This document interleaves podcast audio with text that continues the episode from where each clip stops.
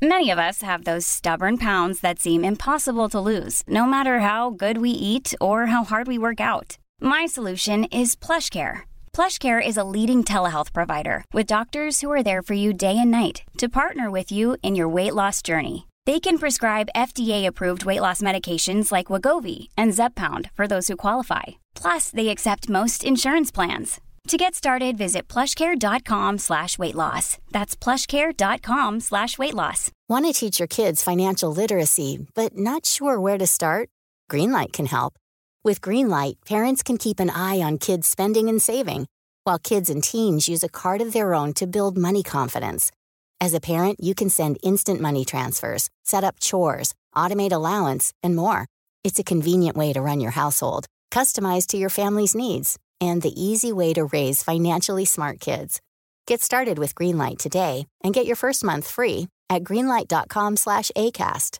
Get up to 30% off wedding jewelry at BlueNile.com and remember the joy of your wedding day forever. Blue Nile offers everything from diamond and lab grown diamond wedding bands to classic pearls, earrings you can design yourself, even gorgeous sapphire pieces for your something blue. Whatever you choose, Blue Nile's pieces are all graded for excellence for a lasting memento as brilliant as the love that inspired it. Right now, get up to 30% off at BlueNile.com. BlueNile.com.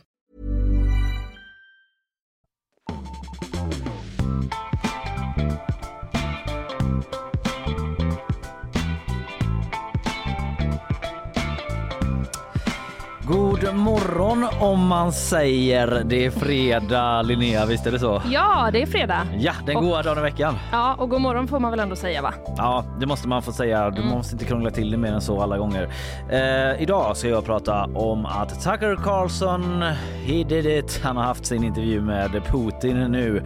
Eh, vi ska gå igenom lite vad den handlade om till slut och dessutom så har ju JLC uttalat sig nu äntligen om guldfyndet i Mölndal. Eh, du, jag ska berätta om Gucci-kepsar. Ja. De har förekommit eh, ovanligt frekvent i nyhetsrapporteringen senaste dygnet. Det handlar såklart om regeringens nya lagförslag då om eh, visitationszoner. Såklart. Vi får också två gäster idag. Robert Laul kommer hit och snackar matchfixning.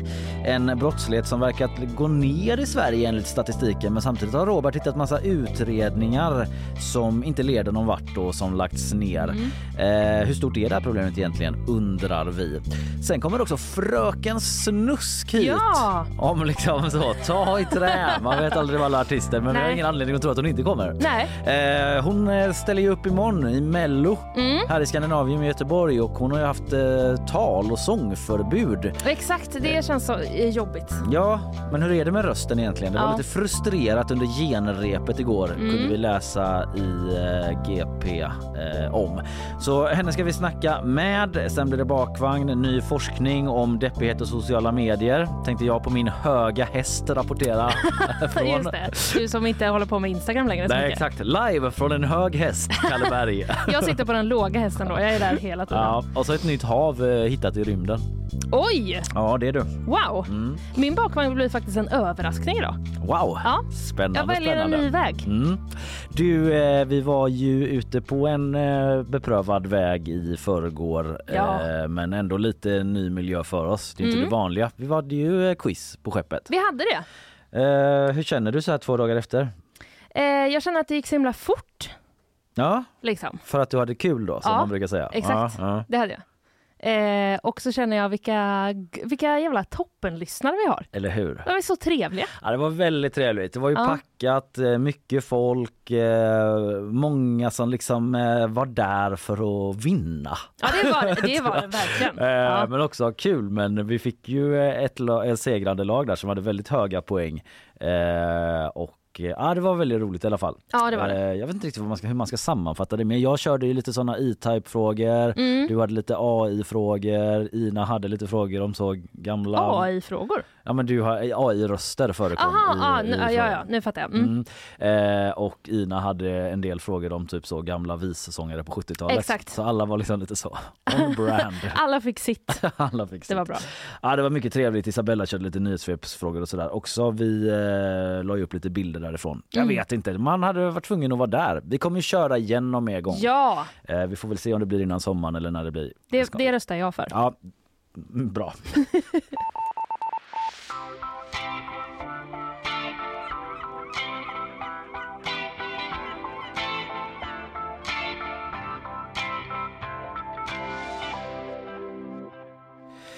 Då är den genomförd och sänd. Linnea Tucker Carlsons intervju med Putin. Ja, det blev så. Mm. Det var sant. Precis, vi snackade ju om det i onsdags här när han Mm. stod i Moskva och berättade att han skulle göra det. Och eh, det stämde och det var riktigt. Nu har den sänts på X då. Med, eh, han tackade ju Elon Musk för att han skulle liksom lägga upp hela intervjun där och så. Tre riktiga eh, så, snubbar inblandade i detta. tre power Snubbar. players, Ja. kärar. Putin, Carlson och Musk. Eh, ja, man undrade ju då vad skulle han ställa för frågor? Hur mycket kommer eh, Mm. Carlson liksom dra fram eh, nya grejer här? Kommer han kunna pressa Putin? Få fram något nytt, något Ja, som vi inte har exakt. hört förut? Eh, och, eller blir det liksom mest att Putin sitter och så rapar upp gamla talepunkter från eh, presskonferenser han haft tidigare? Mm. Det blev väl en eh, hel del av det senare kan man Okej. säga. Ja. Eh, eh, som det står i vår artikel i GP då så inleds intervjun med att Tucker Carlson frågar Putin varför han kände sig hotad av Nato när han inledde invasionen. Då svarar Putin så här. Vill du ha en talkshow eller en seriös konversation? Låt mig ta max en minut till att berätta om rysk historia. Sen följer 23 minuter av en nästintill oavbruten utläggning om rysk historia med start från 800-talet, läser jag från gp.se. Åh, Ja. okej. Han får jobba på sin tidsuppfattning lite. Ja, lite så. Jag har sett en del memes då eh, från folk som eh, ah, tycker att det är så typ så. Tucker Carlson, varför kände du dig hotad? Kolon. Eller Tucker Carlson kolon, varför kände du dig hotad? Putin kolon. Alltså är det massa så bilder från typ så Silmarillion, den här eh, förlagen till Sagan om ringen där hela världsalltet beskrivs typ. Jag kommer att tänka på den eh, Big Bang Theory introt du vet. Ja. Att det är så Tucker Carlson kolon, varför gör du det här? Putin. Our Ja, och så vidare. Låt mig ta det från början. Exakt. Ja, men han började inte från Big Bang Putin Nej. då, utan från 800-talet. Mm. Och det är ju lite så som han höll på ju på den här ökända presskonferensen i, som han höll eh, ja, i inledningen av kriget där i samband med att Ryssland startade det.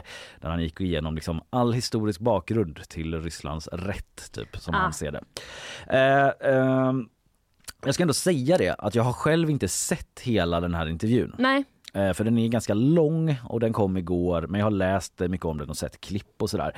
Men eh, det som många lyfter är att ungefär en timma in i intervjun då så frågar Tucker Carlson Putin om Nord Stream.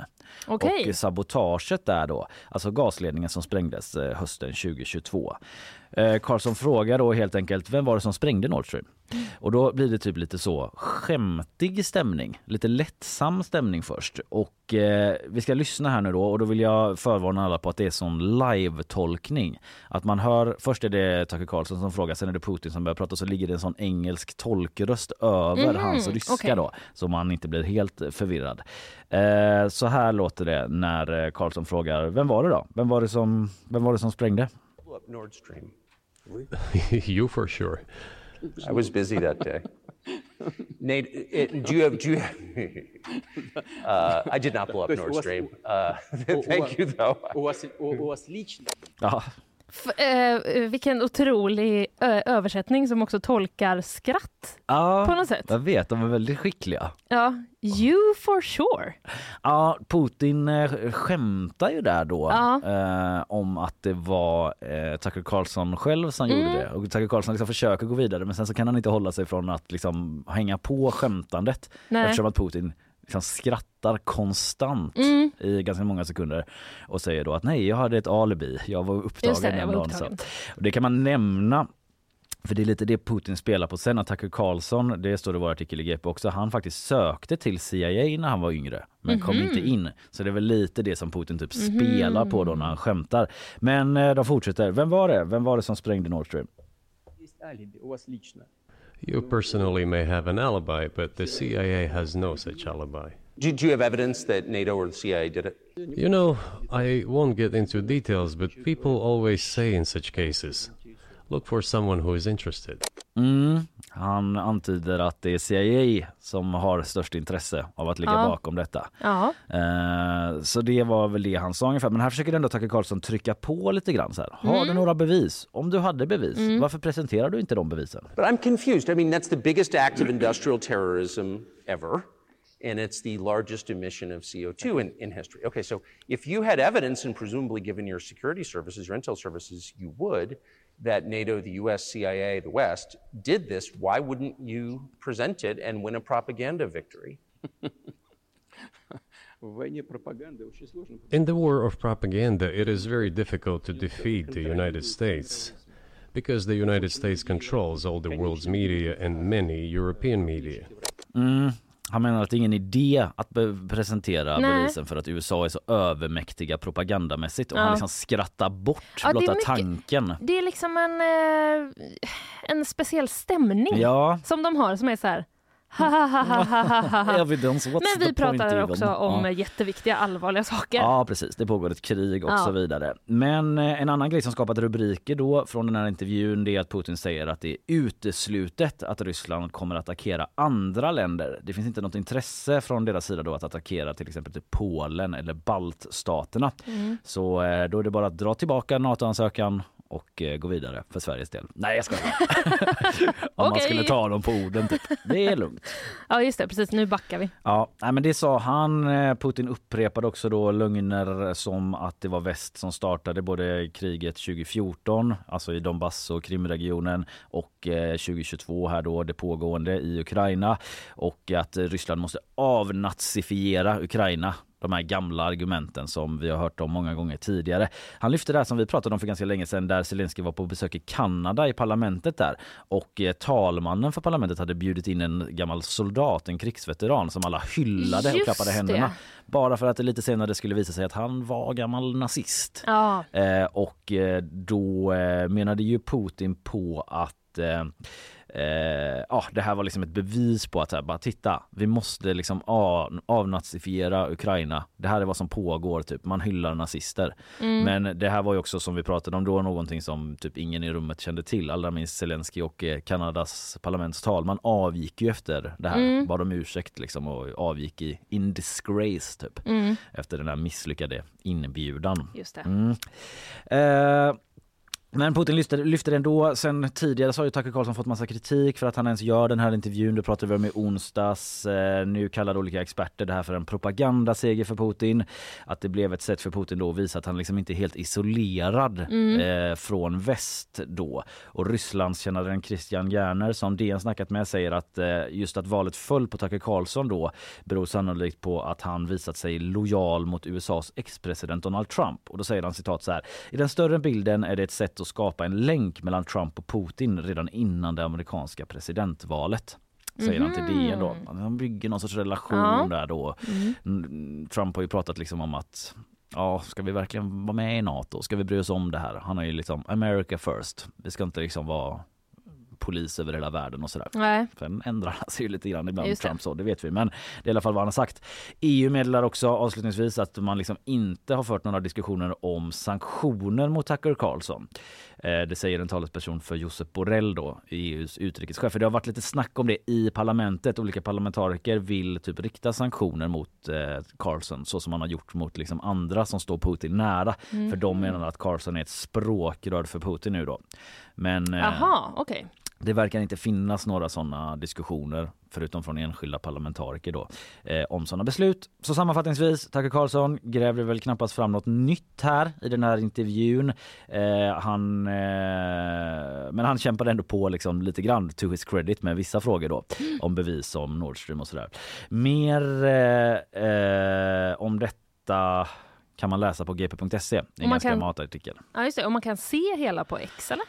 Eh, ja, jag antar att den ligger kvar på Tucker Carlsons konto. Om Mm. inget liksom Man får har, leta. Mm. Ja, han har ju en hemsida och sådär också. Men eh, man kan också läsa liksom lite mer kritiska. Om man Ja, inte ja, ja. bara Nej, vill se den nej, rakt ut kan man läsa på GP och liksom Nej. alla medier som har lite takes på denna. Eh, här och nu går vi vidare.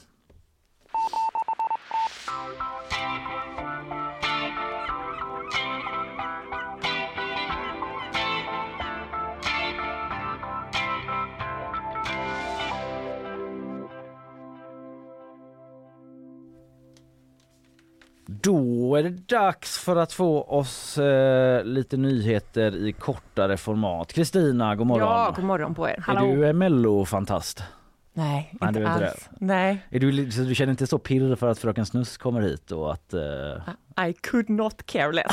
Så är det verkligen. Jag är liksom, eh, jag skiter helst i Mello faktiskt. jag förstår. Du har ju nyheter att tänka på. Ja, och vi ska få precis. höra nyheter nu i form av ett nyhetssvep. Eh, vi släpper över. Varsågod Kristina. Polisen larmade sin natt ut till Kviberg där någon skjutit mot en lägenhetsdörr. En person befann sig i den aktuella lägenheten men ska inte ha skadats. Ingen misstänkt har heller gripits vad vi vet. Händelsen rubriceras som mordförsök. Det har varit en kall natt för många invånare på Island. Lava från det nya vulkanutbrottet som startade igår morse har nämligen förstört en varmvattenledning. Lavaflödet hotar också Blå lagunen som är en av Islands mest besökta sevärdheter och området har nu utrymts. Isländska experter bedömer att det nya utbrottet kan pågå under 3 till 4 dygn. Och som väntat vann Donald Trump Republikanernas nomineringsmöte i Nevada. Hans utmanare Nikki Haley ställde inte ens upp i valmötet eftersom hon menar att nomineringsprocessen riggats till Trumps fördel. Trumps vinst i Nevada ger honom alla delstatens 26 delegater. Hittills har tre delstater hållit primärval eller nomineringsmöten och Trump har vunnit dem alla. Stackars Island ändå. Mm. Vulkanutbrott igen alltså. Inte lätt. Breaking news. Uh, Fröken Snusk kommer inte. Hon kommer inte. Problem med rösten, det var ett orosmoment. Eh, Hon har ju haft talförbud eh, och nu fick vi reda på här precis Mm. att talförbudet återupptas. Ja, precis. Det var ju hävt en kort stund. Nu är det förbud igen. Det är tillbaka. Ja, jag är ändå glad att jag liksom lite flaggade för det här innan. Eller hur? Även Snyggt. om Ja. vi hade bara avtalat att det skulle bli av. Ja. Men så kan det vara. Tack Kristina, vi Tack. går vidare.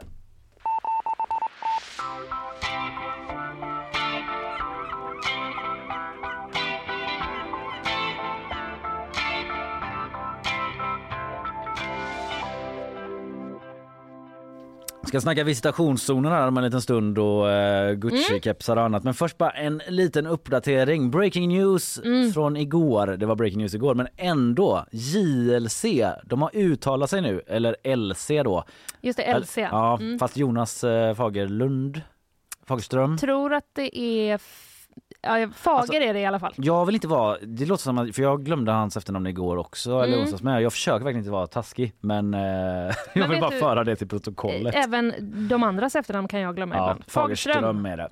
Eh, jo, det är ju Lukas Simonsson och Carl Deman. Alla kan den här historien nu, men Lukas Simonsson och Carl Deman köpte ett hus i Mölndal för 7,8 miljoner. På vinden hittade hantverkare guld för 11 miljoner enligt våra uppgifter. är och klokt. fyra parter gör anspråk på den här skatten nu. Ja. Det är dödsbot med de tre syskonen till, eh, eller barnen som är syskon då.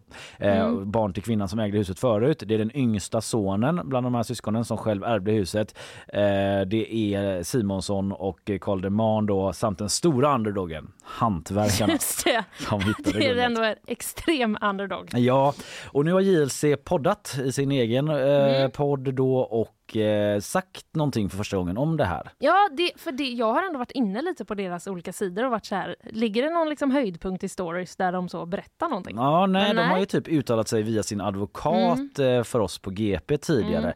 Men nu snackar de lite mer avspänt om det. Men det är inte så jäkla mycket de Nej. säger, ska jag ändå liksom inleda med. Ta Nej, ner förväntningarna ja, lite. Eh, de säger nummer ett typ så här att de aldrig har yttrat sig om eh, att guldet är vårt, som de säger.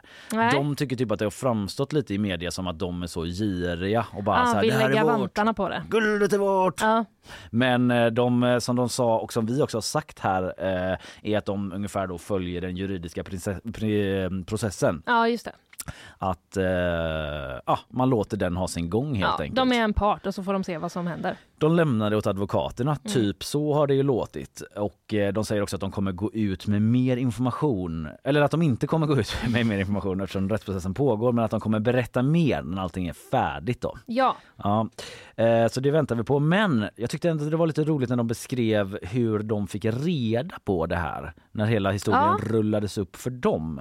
Då berättar Karl Deman eh, att han eh, först inte trodde det var sant. det ringde en polis och eh, som själv inledde typ så här, du kommer inte tro att det här är sant. Berättar han då enligt honom. Så här, jag fattar om du inte tror det här men Ja, det, det är ändå... eh, Man skulle ju inte tro det. nej. Nej. Eh, och jag ska prata lite Mm. mer om det snart men eh, då eh, uppmanar den här polisen enligt Karl Deman honom att göra ett så kallat motsamtal Mm. som Karl Deman typ tror att det heter och Mm. det låter väl rimligt, jag vet inte. Ja, motringning har jag hört någon gång. Så Ja. att det, är säkert, det är ju en grej. Det är en grej och då ringer han upp till polisen igen då och får liksom från en ytterligare källa då att jo, de har hittat guld, det här stämmer. Mm. Och då åker de hela JLC och möter upp poliser vid det här huset vad jag förstår, eller någonstans i alla fall. Då är Jonas eh, Fagerström med också, Mhm, även fast han ja. inte liksom eh, kärande. Nej, är det precis. rätt? Eh, det beror väl på, va? Part det. i målet Ja, kanske man får part i kalla målet är mycket bättre. Mm, Tack, istället för Linda. kärande och svarande. ja, eh, just det, det blir faktiskt fel. Eh, men de är där då och eh, de beskriver typ att polisen är så här, och typ skrattar lite grann och bara, "Åh, nu tror ni att det finns några kameror eller letar ni efter kameror? Nej men gud, de tror att de tänker att de ska bli prankade. Liksom. Exakt, Jonas Aha. Fagerström eh, berättar liksom att han ber dem att få se polisbrickan typ. Show Ja. us the badge! Ja. Och det får de se. Eh, och eh, det är inget prank. Men det var det jag tycker är lite roligt typ att om man är en sån här youtuber, komiker, influencer, Ja. contentskapare person. Att man hela tiden så fort det händer någonting utöver det vanliga Mm. måste typ ta i beaktande att när som helst kan Anis Don Demina hoppa fram och bara Ja, ja, ja. prank! Exakt. Och vilket jävla prank det hade varit. Verkligen, eller Danny Saucedo. Eh, det hade varit ett megaprank. Men Mm. jag bara tänker att leva med det, den oron. Den stressen, ja. Att så fort typ någon kanske kommer fram till en på stan och frågar Mm. något konstigt liksom, så Mm. måste man hela tiden förutsätta att det kan vara ett prank. Ja, just det. Jag, För- ja, förlåt. Nej. Side note här nu, men jag kommer bara att tänka på den. Var det Anders Limpar? Är det någon som heter, va? Gammal Ja, fotbollsspelare. ja. Som blev så lurad att eh, han hade å- han var på ett flygplan och blev lurad att han hade åkt eh, typ så 20 år fram i tiden. Ja. Eller 10 år. Jo, jag känner igen det. Det var ju ändå, där känner jag bara, alltså det hade jag också kunnat falla för, för det var så övertygande. Det var ju gamla blåsningen med Ja. Lennart Swahn. ja, det här är inte nyligen gjort. Jag vet inte om det var någon som tog över blåsningen sen eller var det alltid Lennart Swahn? Det är inte vet- jätteviktigt. Nej, det är inte jätteviktigt. Men jag vet det, inte, men jag vill it concerns me. ändå. Ja, jag vill bara säga att de hade ju förberett det otroligt. Bland annat var det ju så att han hade en hundvalp, eller någon han kände hade en hundvalp. Och då hade de ju fixat en vuxen hund av samma Ja, ras. det var fan ambitiös blåsningar. Ja. Det finns många sådana helt sjuka blåsningar. Ja. Typ att Peter Settman står i någon skyskrapa och bara hela stan släcks ner eller något sånt där. Ja. Ja, det finns massa Ja, sådana tips. och eh, JLC känns som att de är liksom högaktuella för att bli prankade också. Ja, ja, ja. Typ Mm. att alla vill pranka dem för de är så mäktiga i sociala medier och typ Mm. så roliga killar som kan bjuda på det. Ja, ja. Så de, de måste hela tiden oroa sig för detta. Men den här guldgrejen, det är inget prank och JLC kommer att berätta mer om eh, ja, hela deras upplevelse av det här när Mm. allt är färdigt som de har sagt om. Men en liten inblick i hur de har haft det.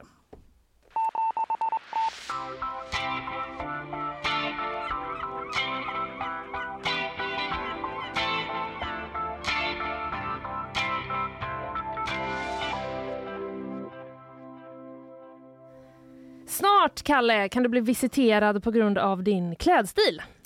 What? Ja, har du till exempel en Gucci-keps på fel plats, då kan det göra att du blir högintressant för polisen. Jag har ingen Gucci-keps men jag har ju en regnjacka från Haglöfs. Just det. som jag ovetandes köpte och Mm. några månader senare fick eh, reda på att det är någon sorts gangstermode. Exakt. Och när jag har de tillhörande regnbyxorna till. Ja, då är det ju helt eh, gangster. Ja, hade jag haft typ en sån moppehjälm också eh, Mm. eller någonting så hade det varit riktigt i riskzonen misstänker jag. Utifrån vad jag har hört om det här, men jag, Ja. du får gärna berätta lite mer. Jag ska berätta mer. Jag har bara läst rubrikerna. Mm, även jag har faktiskt en, en sån jacka, så vi ska inte ha dem på oss samtidigt. Nej. Eh, någon gång heller. Och stå och bara hänga på hörnet. Liksom. Nej, precis. Eh, polisen ska då få införa tillfälliga visitationszoner.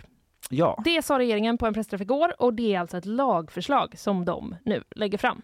Just Det det. har ju varit en del snack om det här. Vi har pratat om Mm. att det har varit på gång. Men nu har de alltså presenterat liksom sin, sitt slutgiltiga eh, förslag. Och I en sån här zon då så får polisen visitera personer, även barn, Mhm. utan då att de har någon konkret brottsmisstanke. Okej. Mm. Och de får också söka igenom bilar. Söka igenom bilar dessutom. Ja. Mm.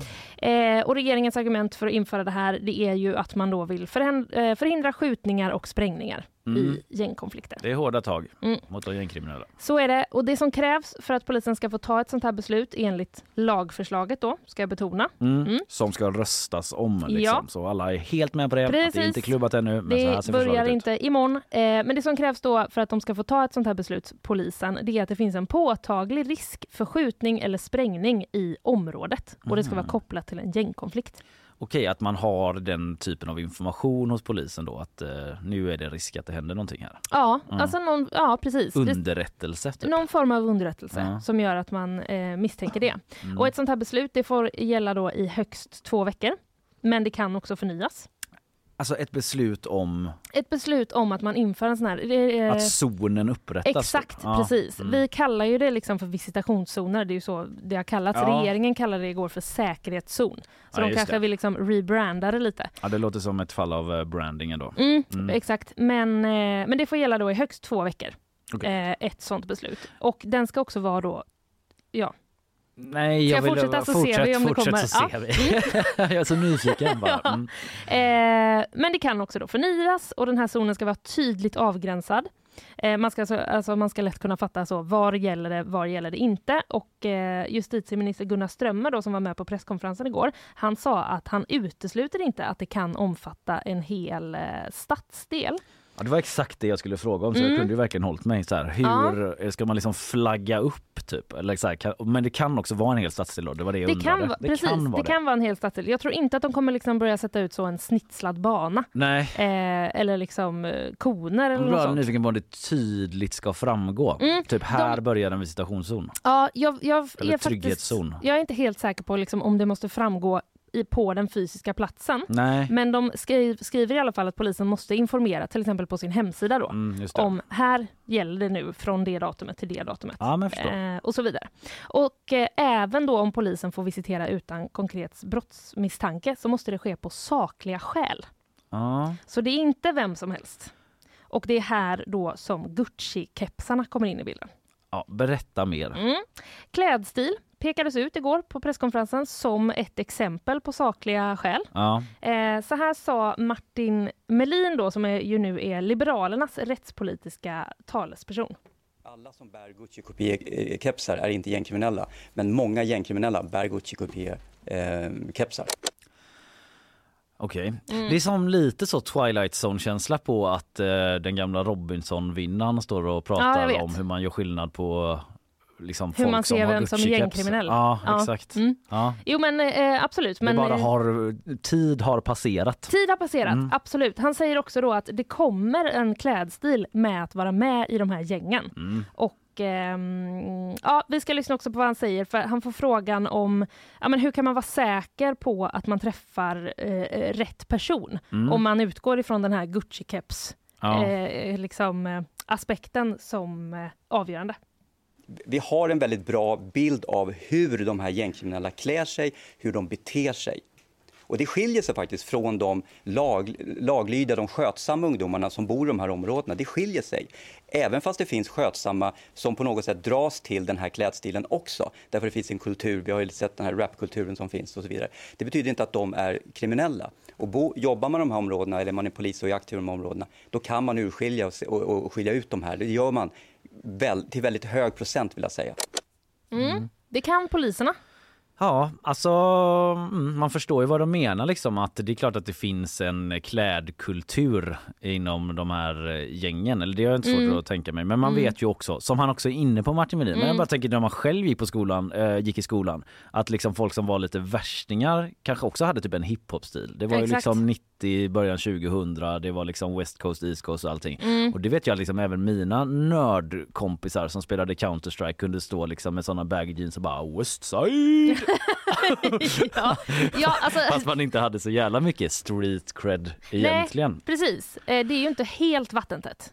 Nej. Eh, kanske bara att gå på eh, detta och det kan man kanske inte slå rätt eh, liksom Mm. alla gånger. Men det är ju inte som att de inte verkar medvetna Nej. om eh, liksom klurigheten i det från Nej. regeringens sida. Precis. Gunnar Strömmer sa också då att det här lagförslaget inte specifikt riktar sig mot utsatta områden, Mm. eh, men att de områdena däremot är särskilt drabbade av gängkonflikter. Okej. Så med den logiken kan man väl tänka sig att det kanske kommer att eh, införas i de områdena då. Ja, det Mm. kan man kanske Det är tänka ju sig. polisen såklart som gör det och inte Gunnar Strömmer. Men de fick en del frågor också om hur det här då kan påverka invånarnas inställning till polisen. Mm. Särskilt om man då kan komma att misstänka att urvalet eh, liksom av vilka personer som eh, visiteras, sker, att det sker på liksom etnisk grund. Mm. Eh, Martin Melin sa då att han, eh, citat, blir förbannad över att det finns en misstro mot polisen.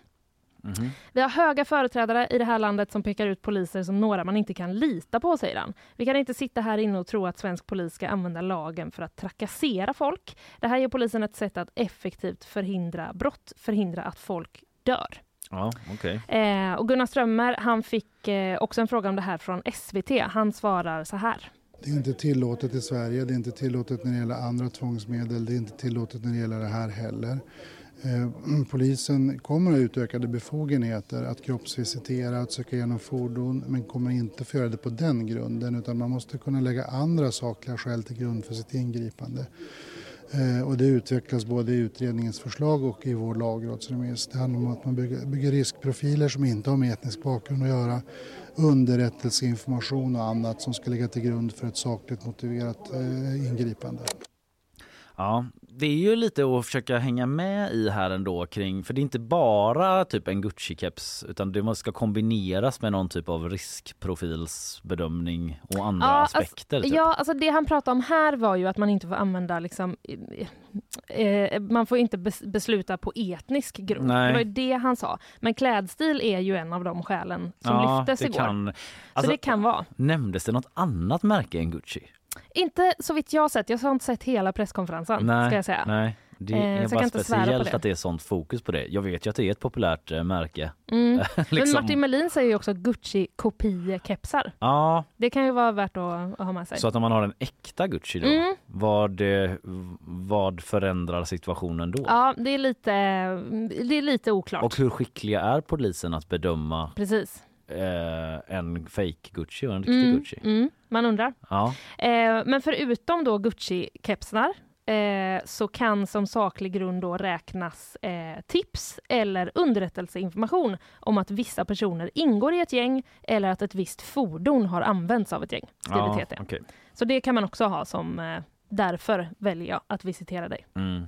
Man kan ju tänka, nu spekulerar jag här, men Mm. att om polisen liksom ändå har en hyfsat god bild av vilka som rör sig i olika kriminella miljöer, att det också är ett sätt för att liksom bara få bort dem Ja. från de här områdena, att de typ inte ska våga visa sig där. Mm. För att de vet ungefär att så här, polisen vet att jag är kopplad till det här nätverket, så om Mm. jag går där kommer de hålla på och visitera mig hela tiden. Så Mm. jag kan typ inte röra mig i den här stadsdelen. Nej, exakt. Det skulle kunna vara liksom ett Det, sätt. det skulle kunna det vara här är så. bara jag som Ja, eh, tolkar. Ja. Eh, det har ju då fått kritik det här lagförslaget från Mm. olika håll under gårdagen. Vi ska inte ta alla, men några av dem. Eh, polismästaren då till exempel, Jarle Poljarevius, han kommenterade det här förslaget i eh, Studio 1 då Mm. och eh, kritiserade just då det här med kontroller baserade på klädsel. Jag delar inte den uppfattningen. Man visiterar inte en människa för att man bär en viss keps eller ett visst märke, Nej. säger han. Eh, och Centerpartiets partiledare Muharrem Demirok, han sa igår i SVTs 30 minuter Mm. så här.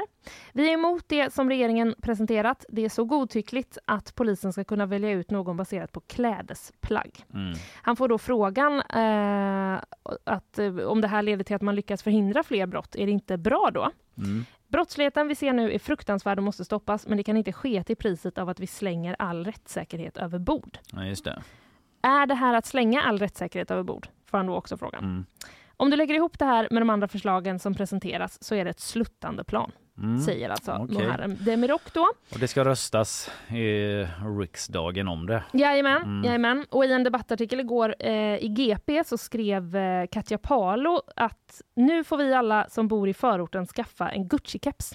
Jaha, hon tycker man ska liksom, eller ja, Mm. hur menar hon? Hon, hon bor själv i eh, Biskopsgården och hon skriver då att förslaget om att införa visitationszoner kan komma att urarta i profilering på etnisk grund. Det är dags för oss som inte riskerar att misstänkliggöras, alltså att visa vår solidaritet. Ja skriver hon. med de som riskerar att oskyldigt. Liksom, drabbas då. Ja, Mm. exakt. Eh, så det finns en himla massa mer att läsa på eh, gp.se. En kommentar av Arne Larsson ligger Mm. där också. Eh, och regeringens plan är då att det här ska träda i kraft redan 28 mars. Oj då, Mm. snabba puckar. Snabba puckar. Ja, eh, mycket bra Linnea. Tackar. Jag känner mig uppdaterad.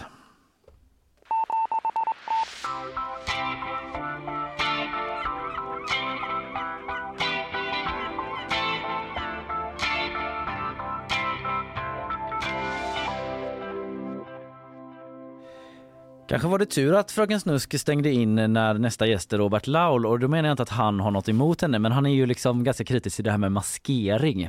Ah. Fast framförallt på fotbollsläktare men jag vet inte om han hade, han hade blivit triggad. eh, det vet jag inte. Nej, han rapporterar ju mycket om eh, läktarproblematiken och sådär. Mm. Skämt från mig, men Robert ska Bra inte skämt. prata om det. Tack så mycket. Tack så mycket. Eh, han ska prata om matchfixning. Hur stort är det problemet egentligen? Det har gått ner i brottsstatistiken. Samtidigt så finns det utredningar som ligger hos polisen som liksom inte leder någon vart. Det verkar Mm. svårutrett. Hur stort är det här eh, problemet och hur eh, svårt är det att utreda? Vad kan man göra åt det? Häng kvar, Robert Laul alltså om en liten stund.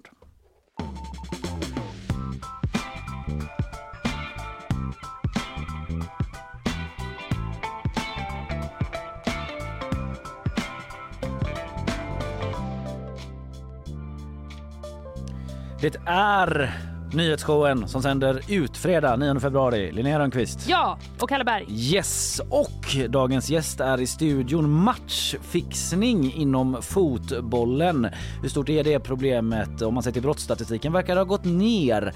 Just nu finns inga planerade rättegångar, noll åtal och rekordfå misstänkta matcher. Men i en granskning då som eh, vår kollega Robert Laul på GP Sporten gjort så kommer det fram att det finns utredningar hos polisen som inte leder någon vart. Så hur, vad kan man säga om hur stort det här problemet egentligen är då och hur man kan ta itu med det? Välkommen och god morgon Robert Laul. God morgon, god morgon. Tack så God morgon. mycket. Du, eh, rekordfå misstänkta matcher i år enligt Svenska fotbollsförbundet. Är- Är det liksom... Eh, är kusten klar? Är Ja, vi befriade från problemet? Nej, 2023 var det lägsta antalet misstänkta matcher sen, sen eh, mätningarna inleddes då 2013 för tio år sedan. Så att vi går in i den här säsongen eh, med, med det historiskt lägsta antalet eh, misstänkta matcher. Jag skulle säga att det är oroväckande.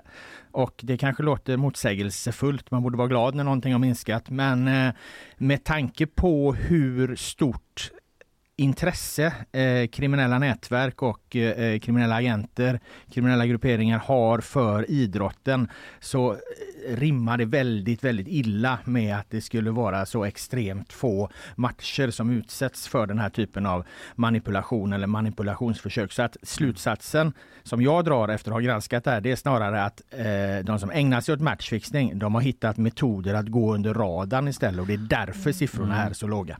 Vi kan prata mer om de eh, metoderna och vilka de här personerna eller grupperingarna är då lite senare. Mm, men ska vi börja med, eh, alltså, om man bara kan förklara lite enkelt, vad är matchfixning? Alltså hur ser det ut? Ja, alltså det enklaste sättet att förklara det, det är ju att det är uppgjorda matcher. Det är ju att en, Mm. en, en fotbollsmatch mellan eh, eh, IFK Göteborg och Gais till exempel här då på förhand är bestämd att, att eh, Gais ska vinna. Eh, så att ett antal spelare har mutats i, i, i IFK Göteborg så att de lägger sig så att Gais vinner matchen. Och om man på förhand vet att Gais ska vinna den här matchen så eh, kan man ju in och satsa väldigt stora summor pengar och eh, eh, vinna väldigt mycket då eftersom man, man kan ju då vara säker på, på att Gais kommer vinna den här matchen. Det kan ju låta ändå ganska Alltså typ så, hur fejkar man det? Ska liksom en mittback bara bomba in två bollar i egen kasse? Eller liksom, förstår du vad jag menar? Mm, absolut, och, och det här var ju det enkla sättet att beskriva det. Därför är det inte, inte alltid, eller inte ens det vanligaste sättet när det kommer till matchfixing, är ju inte att, att påverka eh, resultatet utifrån vem som vinner. Utan istället handlar det om att det ska bli mycket mål i matcherna. För att det går ju även att spela på eh, att det ska bli över tre mål i en match, det ska bli över fyra mål i en match. Och då Mm. är det ju genast mycket enklare att, att, eh, att påverka ett resultat om man kan veta att det kommer bli väldigt mycket mål i den matchen. Ett sätt att göra det lite mindre uppenbart Ja, då. det, dels, dels blir det blir svårare att, att, att se och sen finns det ju liksom, det går ju att spela på eh, andra saker i en fotbollsmatch också. Du, du har i Sverige kunnat spela på gula och röda kort exempelvis. Kan man inte det längre? Nej, eller? de har tagit tagit bort det här nu. På de lic- licensierade bolagen får du inte betta på gula kort längre, vilket är ganska rimligt. Men det går ju att spela på andra spelmarknader där det inte är förbjudet. Går det det. fortfarande att att spela på det här så att det, det, Men det, är finns ju typ så. kvar. Tror du att eh, liksom Cristiano Ronaldo tar ett gult kort i den här matchen? Då Ja. spelar man på det typ? Eh, eller tror du, som vi på GP har skrivit om, så det är inga problem att säga eftersom personen är dömd då, en, en, en före detta eh, Malmö FF och Elfsborgsspelare som faktiskt blev dömd för att medvetet ha tagit ett, ett, ett gult kort här för några år sedan. Och det gick ju hela vägen upp till en, till en fällande dom. Mm. Men eh, hur mycket pengar, för det, det finns ju olika spelbolag och sådär och man kan spela från hela världen, det är en global marknad. Hur mycket pengar är det som eh, spelas på svensk fotboll? Hur stor är liksom den marknaden? Alltså det, det är ju häpnadsväckande summor. Alltså bara på en allsvensk match eh, utifrån de eh, bolag som bevakar det här. Bara på en enskild eh, allsvensk match så, så omsätter den i snitt 162 miljoner kronor i hela världen. Alltså. Eh, och då är det ju såklart eftersom det är en snittsiffra då så, så är det högre på vissa och lägre på, på andra. Men då räknar man även in då eh, att de här matcherna är ju spelobjekt eh, även i Asien och, och i Asien är ju, är ju betting gigantiskt stort. För- Så att av, om vi säger då att 162 miljoner på, på en enskild allsvensk match i snitt så är ungefär 100 miljoner av dem spelas alltså på en, på en marknad i Asien. Så där sitter det alltså mängder av människor och, och, och spelar när, när eh, Värnamo möter Elfsborg. Alltså det låter ju, eh, man blir ju lite förvånad. Ja, är, är det, alltså, det kanske är svårt att säga, det, det är klart att eh, kan man spela så kan man ju spela på Ja. vad man vill, men eh, ska man se det som att det är lite misstänkt eller är det bara så? Det, man kan se det så här, alltså, Sverige har ju ett annat, eh, ett annat eh, säsongsupplägg. De stora eh, ligorna och de flesta ligorna i Europa de går ju mellan augusti och, och maj, alltså från höst eh, till vår. Mm. Sverige spelar vår till höst vilket innebär att Sveriges, liga, Sveriges liga, ligasystem pågår under sommaren då Ah. många andra ligor ligger nere. Och då eh, är ju spelbolag i hela världen på jakt efter spelobjekt, alltså matcher. Mm. Mm. Eh, och, och, och där blir den svenska marknaden då särskilt intressant. Och ju, ju mer eh, intressant en, en, en, en liga eh, blir, ju, ju fler liksom manipulationsförsök kommer den ju också att utsättas för. Men verkar det liksom organiserat den asiatiska bettingen? Alltså det är ju så många och sådär så det kanske är svårt att säga men jag menar just liksom att eh, är det liksom är det bara att det finns så många intresserade? Eller är det typ så här nu vet vi att eh, Värnamo har bra form så då går vi in typ så 10 000 personer för att ett forum säger det eller liksom jag Ja, vet inte hur det eh, eh, det som jag har förstått av hur den här, om, om vi tittar på liksom matchfixningsdelen av det då, hur det, det fungerar, det är att, att de eh, nätverk och aktörer som ägnar sig åt det här, de byter liksom information med varandra. Så att, så att har, har du liksom en, en match som ett nätverk i Sverige vet, okej den här matchen är riggad, här, här kommer det gå att spela på si och så, så, så skickas den till deras då förtrogna i, i andra delar av världen. Och så kan då hela världen spela, i princip spela på, på den här eh, upp, uppgjorda matchen som, som sker i Sverige eftersom eh, nätverken byter information med varandra. Det är den bilden som jag har fått beskriven för mig eh, av, de som historiskt har jobbat mycket med, med matchfixning. Då. Det blir lite komiskt ibland nästan när man följer vissa lags konton i sociala medier så lägger de upp så att de har förlorat med 2-1 och då ser man typ så kanske 15 kommentarer från sådana jättekonstiga användarnamn i Asien som bara säger you fucking losers, why won't you win?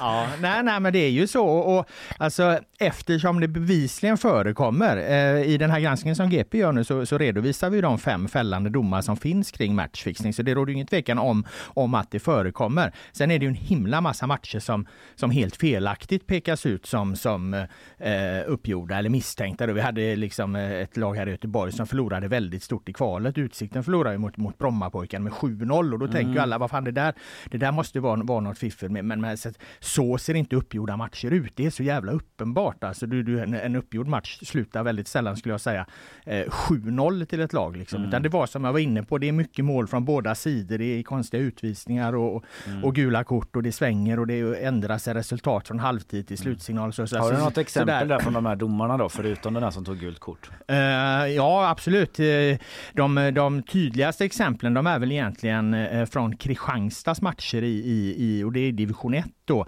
Eh, och då är vi tillbaka till 2015, men det var väl liksom de allra tydligaste matcherna för att där var det en, en, en spelare i Kristianstad som gick ut och i domstolen berättade precis hur det gått till. Så där fick man en väldigt tydlig bild och då var det just precis så där. Han skulle ta ett gult kort och, och målvakten var med på allting och sen skulle han ta ett gult kort och sen skulle han ta ett rött kort också och så skulle han släppa in mål och, och, och så vidare. Så då fick man liksom de här olika stegen förklarade för sig och där är det precis som jag säger. Det är mycket mål, det är utvisningar, eh, gula kort och röda kort så att de som gör upp matchen de kan spela på väldigt många olika saker. Mm. Mm. Men om vi eh, går tillbaka till det här vi nämnde i början då med statistiken, mm. att 2023 var det lägsta antalet mm. misstänkta matcher sedan 2013 då när Svenska Fotbollförbundet började eh, föra statistik. Mm. Du var inne på att man kanske inte kan lita liksom, på den siffran och fira att det är så lågt. Var, varför har de minskat så kraftigt? Har man något? Eh, ja, det är en del i den här granskningen som vi gör försöker reda ut precis det och när mm. vi ställer frågorna till Fotbollsförbundet, spelbolagen, eh, polisen, åklagarna, de som, de som historiskt har jobbat med det här, så är ett, ett av svaren att ja, det här går att se som en, en trend, en positiv trend, men vi vet inte riktigt. Vi förstår heller inte riktigt varför, varför det har minskat. Så det oroväckande svaret eh, eh, är ju att ingen vet varför, mm. varför det här, för att allting talar ju egentligen för att det ska inte gå ner, för det är fortsatt ett, ett, ett hårt och stort tryck eh, från kriminella grupperingar på det här. Men ändå så visar då siffrorna och då blir ju mångas slutsats att, att eh, ja, de har hittat och sätt att, att gå under radarn med det här. Eh, en annan sak som hänger ihop med det där, det var att fram till 2021 så hade polisen en särskild avdelning, en särskild grupp som mm. jobbade just mot idrottsrelaterad kriminalitet. Sen gjorde polisen en stor omorganisation och då försvann den här gruppen. Och då tappade man också de poliserna som hade störst erfarenhet av att jobba med det här, hade bäst lägesbild eh, och, och den har liksom inte ersatts med någonting inom polisen. Så att är det liksom försvann. vanliga polisen som hanterar det? Ja, nu blir det liksom så att, eh, att uh, det, det ska utredas beroende på vad det sker. Och mm. eftersom det här är extremt komplicerade utredningar så så, som du behöver bygga upp din kunskap om eh, så, så, blir det jättejobbigt. Jag fick ett exempel när någon polis på Gotland hade fått någon misstänkt matchfixning kring ett e-sportärende och den här stackars polisen på Gotland satt ju bara ja. där och kliade sig i huvudet. Vad fan är det här? Liksom. Ja. Alltså, ingen ja. aning. Så det... ladda ner Steam här och se hur det funkar. Så att, eh, ja. nej men det, det, det, det är klart att för vissa typer av, eller för många typer av brott behövs det ju, eh, behövs det ju specialdedikerade insatta mm. utredare och någon sådan, en enda sån utredare existerar inte längre efter att den här gruppen lades ner. Nej. Och nu börjar vi då se konsekvenserna av det. Och den yttersta konsekvensen är att när det kommer glädjande siffror att de misstänkta matcherna, eh, misstänkta matchfixningsmatcherna har minskat, då vet vi inte hur vi ska tolka det. För det kan lika gärna mm. bero på att ingen har koll längre. Men vad säger mm. polisen då om det ändå finns kritik mot att mm. de har gjort om då och att det kan bli sådär som på Gotland? Ja. Vad, vad säger de? Ja, sent om sidor så har de börjat förstå att okej, okay, det här kanske inte var så jävla eh, lyckat att bara riva upp den här gruppen som hade arbetat med det, som hade full koll på, på, på eh, på området. Eh, så att de har sagt att från och med maj ska de presentera en ny liksom, strategi hur de ska bevaka eh, matchfixningsfrågorna. Och det i sig är ju glädjande, men det var väl ungefär vad alla sa när den här gruppen lades ner för två, tre år sedan, att det där kommer bli ett bekymmer i framtiden. Att om, om ni släpper det här området nu så kommer det slå tillbaka och kommer att bita er i arslet om några år. Och mycket riktigt, där står vi nu. Mm. Men vad säger eh, alltså fotbollsrörelsen i stort eller representanter då? Är de, är de, det är de som är inne på att det här skulle ni inte ha lagt ner? Och de misstänker absolut, också absolut. Alltså, ja. man, man kan säga att fotbollen, eh, de, eh, de liksom seriösa licensierade spelbolagen Åklagarmyndigheten, de åklagare som har jobbat med det här historiskt, mm. de har liksom haft en lite enad front, Riksidrottsförbundet också, de har liksom haft en enad front egentligen mot polisen att vi, det behövs finnas den här kompetensen. Mm. Så det, det, det är egentligen, det har varit de mot polisen kan man säga och nu då eh, så, så får i alla fall jag beskrivit det för mig som att okej okay, nu har polisen förstått att det här hänger ihop med med organiserad brottslighet, med de nätverkskriminella, för det ser de i andra utredningar. Men, mm. men det, det, det visste vi för tre år sedan också. Så att man, man har tappat tre år helt enkelt. På tal om utredningar då, idag så publiceras en artikel i den här serien om matchfixning som du skrivit och den handlar om ett tillslag som gjordes för flera år sedan mm. där polisen eh, då vad det verkar förbisett eh, saker som kunnat lett till liksom det största matchfixning, matchfixningsåtalet någonsin. Mm. Vad är det det handlar om? Eh, nej men det var ett tillslag mot en, eh, en illegal eh, spelklubb, en pokerklubb uppe i Stockholm. Och där beslagtogs ett antal eh, datorer och mobiltelefoner och när de tömde de här eh, enheterna då eh, så hittar de, ja de skriver rakt upp och ner i förundersökningen att de hittar eh, saker som rör matchfixning. Men eh, eftersom, eh, eftersom det fanns andra saker att utreda så skickades den här eh, matchfixningsdelen vidare då till den gruppen jag pratade om som Mm. ju fanns kvar då fortfarande. Så att Mm. de skulle ta hand om det. De hann i princip bara börja och titta på det här. Sen lades gruppen ner. Då lämnade de vidare det till polisens nationella operativa avdelning NOA och där föll det mellan stolarna. Så att för, på tre år har ju ingenting hänt trots att de, den, den, det till och med står uttryckligen i en förundersökning som då egentligen rör en, en pokerklubb. Eh, att här, här, här, här, hittade vi, här hittade vi matchfixningsuppgifter men ingen har alltså gått vidare på dem. Och det blir ju väldigt, det illustrerar ju då i, i detalj det jag pratar om hur, hur de här sakerna faller mellan stolarna. Mm. Men är det någon som, eh, vad händer med den utredningen nu? Är det någon som har den på sitt bord? Vet vi det? Nej, den eh, har hamnat i polisens, un, eh, hos polisens underrättelseavdelning vad jag förstår och ja, den fyller väl någon funktion där för då bidrar den, den visar ju ändå, den ökar ju liksom kunskapen eh, i polisens eh, underrättelseavdelning. Men den kommer ju inte på något sätt till eh, allmänheten till känna för att eh, majoriteten av uppgifterna som kom, kom fram där är ju är ju hemliga, vi kommer inte åt dem. Och eh, eftersom det inte utreds så, så leder det ju heller inte till, till, till någon form av bestraffning eller någon konsekvens för någon. Vad säger är de självkritiska polisen då kring att det vad det verkar ha fallit mellan stolarna? Ja, alltså polis och, och självkritik, eh, det, det, det, det, ja men ändå lite skulle jag säga. Jag pratar med, han heter Per Engström, eh, polisen på NOA som uttalar sig i frågor som rör idrottskriminalitet och så här. Och han, han, han har liksom, han ger ändå kritikerna rätt. Mhm. Eh, han säger att det här med att vi inte har några utredare som hanterar matchfixning, det är inte bra. Där det, det, det, vi delar den kritiken. Och att de säger att de ska presentera en helt nytt sätt hur de ska förhålla sig till matchfixning från och med maj 2024. Ja, det visar väl ändå på, på att, att de, de inser att det här blev inget bra. Mm. Ja, nu är det några, ett par månader kvar och Sen är allsvenskan igång och de andra serierna också. Vad eh, spår du framåt om eh, fotbollsåret och matchfixning? Ja, i de här frågorna så, så, så tror jag ju tyvärr att, eh, att eh, det kommer vara ett fortsatt stort problem för, för svensk fotboll. Och även eh, så, så börjar man se i det här vi skriver om nu så ser man att handbollen börjar smyga sig in där. Och, och alla som följer handbollen har ju följt rapporten om handboll på, på, på det internationella planet här med, med, med, med domare och så. Det har varit mycket diskussion om det kring handbollen. Så att, så att den, den liksom övergripande bilden är väl snarare att ja, det här sprider sig till, till andra idrotter också. Vi hade en dom 2023 som, som rörde tennis och, och, och så. Så att eh, övergripande bilden är väl att det sprider sig till, till andra idrotter och att, att eh, det skulle vara väldigt märkligt om, om, om fotbollen är så förskonad då från det nu som de här nya eh, siffrorna visar. Jag, jag förstår att man inte riktigt att man inte riktigt litar på dem. Alltså, grejen är ju att det är så jävla mycket pengar i, i, i, i den här bettingen. Och när det fin- där det finns mycket pengar, då kan ni ge fan på liksom att, att då kommer någon försöka utnyttja det för att komma Mm. åt de pengarna. Så det, det är helt orimligt att, att, att, att, att, att det ska sluta och upphöra och, och manipuleras matcher. Utan man måste följa de här frågorna väldigt, väldigt noga och, Ja. och vara på sin vakt. Det kommer du göra, följa dem noga Jajamän. under året. Eh, Robert Laul alltså som skrivit den här serien om eh, matchfixning som finns att läsa delar av den hittills i alla fall på gp.se. Till sist eh, Robert, jag tar dig på sängen här med en fråga. Jaha. Hur blir det med förbundskaptenen för landslaget? Blir det Jon Dahl Tomasson, dansken eller vad?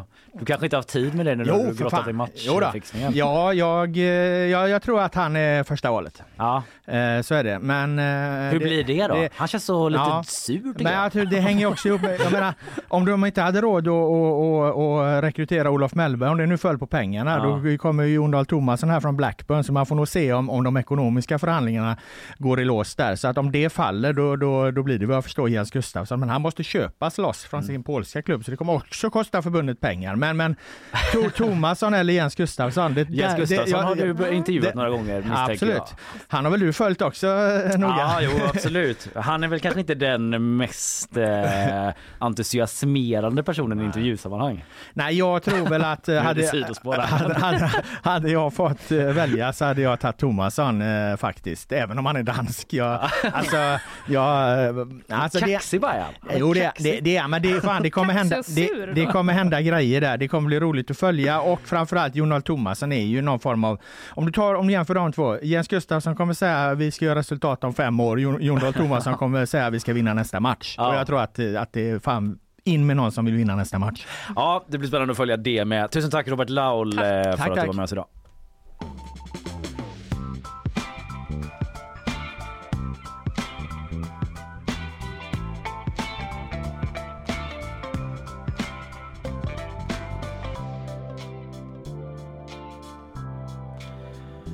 Ja, vi började fundera lite här på om det är en eh, nyhet att eh, Fröken Snusk eh, nu har då ställt in med oss då på grund av rösten. För hon Mm. hade ju liksom talförbud eh, för att hon skulle spara rösten inför eh, Mello imorgon. Mm. Sen var hon ändå med typ i Svenska Dagbladet igår i någon intervju. Jag vet inte om den... Ja, det var någon intervju hon skulle hö- eh, göra igår kväll tyckte jag att jag hörde. Ja. Eh, Och och sen var det ju genrep igår kväll också. Ja, där hon då enligt eh, vår eh, reporter på plats Johan Lindqvist ska ha skrikit H-ordet. Och då talar jag Ja. om H-O-R-A. Exakt. Varför vågar jag inte Precis. säga det? Nej. Jag tycker inte det är lämpligt. Det som slutar på ora. Exakt. Så kan vi säga. Eh, och varit jävligt frustrerad då Mm. uppenbarligen. Så jag vet inte om hon skrek sönder rö- rösten på det Just det, vredesutbrottet. det är ju om. inte bra heller. Nej, Nej, Så Nej det- men vi får väl se. Det är väl, eh, det är väl något mer rep idag misstänker jag. antar det. Det måste det ju, Mm. borde det ju vara. Nya orosmoln över Fröken Snusks medverkan i Ja, Mello. Eventuellt då. Vi får hoppas att hon har någon liksom bra kur hon kan ta till för stämbanden. Ja, precis. Eh, vad kan det vara? Lite eh, honung och te och sånt där. Jag hörde faktiskt att Loreen sa en gång att te är dåligt. Wow. Mm. You just blew my mind. Loreen via Linnea. Ja. Vi går vidare. Jag ska klättra upp på min höga häst och rapportera lite därifrån. härligt om hur dåligt jag mår eftersom jag är så mycket på sociala medier. Hur liksom illa ni, eh, till exempel du och Fanny, så här, behandlar er själva. Mm. Varför gör ni så här mot själva? Självhat. Vart har ni er självdisciplin? Varför gör ni saker som ni vet är dåliga för er En själva? hög dalahäst ska du upp på. Ja precis, rulla in. Eh, och eh, det finns ju forskning till och med som eh, tyder på att Ja. eh, ni eh, behandlar er, själva så himla dåligt. Självskadebeteende. Jag talar om sociala medier Mm. och jag talar om nya studier som jag läser om i Dagens Nyheter som visar då att personer som lägger mindre tid på sociala medier mår bättre efteråt. Alltså efter de inte lagt någon tid. Exakt, mår eller hur? Eller hur? För under tiden, då kan ni må jävligt dåligt. Ja, men det ha gör du ju när tråkigt. du tar heroin också. Ja. Alltså just när du är i det ruset mår Ja. du ju toppen. Absolut. Och det är det som är det bedrägliga. För du mår ju dåligt sen. Exakt. Det är likadant med alkohol och allt sånt som är Så- kul. Så är det. Eh, Den här skillnaden då mellan personer som eh, eh, inte är på sociala medier och de som är det var överraskande stor säger Martin Wolgast, docent och ansvarig forskare för studien till DN. Och det man har gjort är att man har haft tre stycken grupper Eh, Det är Lunds universitet som ligger bakom och då var det 170 personer som deltog och de var mellan 18 och 29 år. Och, ja, men då gäller ju inte den här studien mig. Nej, inte Då kan vi ju inte dra några slutsatser, vad skönt. Ja, Perfekt. men Man kan ändå lite så, Absolut. vad heter det? Ja. Ja, det, det generaliserar Jag letar bara efter en utväg här. Det är bara det jag gör. Ja, men du, det är också lite så här, för det finns eh, också en eh, liksom lite glädjande besked för dig. Mhm. Så som jag typ upplever dig i sociala medier i alla fall. Jag, kom, jag kommer till det. Ja, bra. Eh, för att en del då fick använda sociala medier i max 30 minuter per dag. Eh, Den andra delen fick använda sociala medier hur mycket de ville utan att själva publicera någonting. Och Mm. där tänker jag att du är lite, åtminstone på Instagram, du är ju sällan ändå du är ute och du är ju ingen sån eh, Hi guys, här är min morgonrutin. Nej, Här är jag och handlar. nej, precis, nej precis. Jag är mycket av en, eh, jag lurkar. Ja. Eh, och tittar på annat, men jag håller inte på så mycket. Då får det vara, det är lite ibland, jag försöker eh, att ändå göra det någon gång så folk Mm. vet att jag lever. Men är det också typ en press då på att man känner att så här, jag kan inte bara smyga runt här utan någon gång måste jag ändå lägga upp Nej, någonting? inte alls. Jag älskar smygandet. Ja. Det är mer eh, Fanny som är lite så här, "F- bara lägga ut något. Lägg ut Okej. något ibland bara. Men då är det en, en väldigt konkret press från en kollega att du ska lägga ut det. alltså hon ändå Eh, uppmanar dig. Alltså jag måste liksom, eh, nu måste jag nyansera det här så hon Ja. inte blir förtalad. eh, nej men det kanske är så här att, att jag får mig att, eh, du vet jag var någon, någon gång så, men vad ska jag lägga ut? Jag, Mm. jag hittar inget som jag så här känner, det här, gud vad det här måste hela världen se. Eh, och då sa hon, sänk kraven bara. Men vet du att jag då som eh, inte har typ Instagram eh, nu, Mm. bara typ på jobbet. Mm. Jag testar det liksom. Mm. Jag har en hög häst men jag är också väldigt så här. jag kommer säkert liksom trilla av den här höga Ja. hästen och bara sitta och doom Och sen kommer du skrika H-ordet. Ja, precis. ja, men att, eh, vad var det jag skulle säga om det då? Jo, men att typ när jag hade det att jag ändå kände så här, fan, fan jag måste lägga upp någonting nu. Eller inte Mm. måste, men typ så här, det börjar bli dags. Typ, det kanske är dags för mig att lägga upp någonting typ Ja, eh, för det. mina följare. Mm. Eller bara för att det, det är också kul. Ja. Men så fort, jag, för det är ju lite kul Det att lägga upp kul. någonting och så, Mm. se vad man får för reaktioner. Men så fort man gör det, eller jag gjorde det, Mm. då är man ju inne där och ser vad det får för Ja, reaktioner det är obehagligt. hela Det tiden. är Och så blir man missnöjd och känner Ja. det där var väl inte så kul. Fan vad, att jag ska hålla på med mina trötta slappa Ja, exakt. skämt om politik och så här, Mm. byta ut någon citat och eh, Mm. liksom så här, sätta in något i fel sammanhang och man bara det är ganska billiga skämt Kalle. Man bara, ja, Kalles inre röst, det är det. typ.